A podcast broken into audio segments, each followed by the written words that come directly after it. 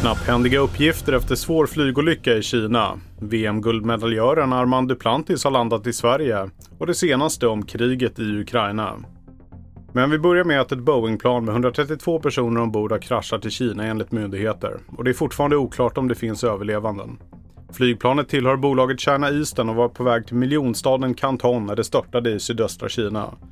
Planet ska vara en Boeing 737 men inte modellen 737 Max som kraschade kort efter start i två uppmärksammade olyckor 2018 och 2019. Och så till kriget i Ukraina där en enorm explosion skakade centrala Kiev under morgontimmarna. Enligt uppgifter ska ett bostadshus och ett shoppingcenter ha träffats och flera människor omkommit.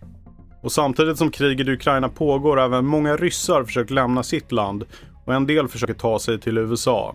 Vid den mexikanska gränsen har ett provisoriskt läger vuxit fram där flera ryska medborgare väntar på besked om sin framtid. Thomas Kvarnkullen rapporterar från San Diego i USA.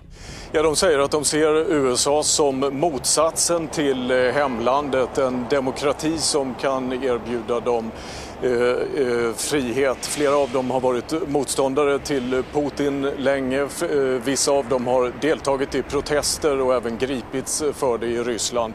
Och det som har skett i Ukraina blev droppen som gjorde att de till slut lämnade landet. Det svenska stavhoppsfenomenet Armand Duplantis landade nyss på svensk mark efter den magiska kvällen i Belgrad under gårdagen när han bärgade sitt första VM-guld och slog sitt eget världsrekord när han flög över 6.20. Och det var en glad men trött världsmästare som mötte pressen på Arlanda. Stund som det är svårt att förstå vad har hänt.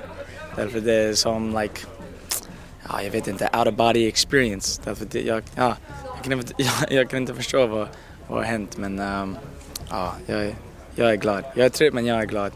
Jag heter Felix Bovendal och fler nyheter hittar du på tv4.se.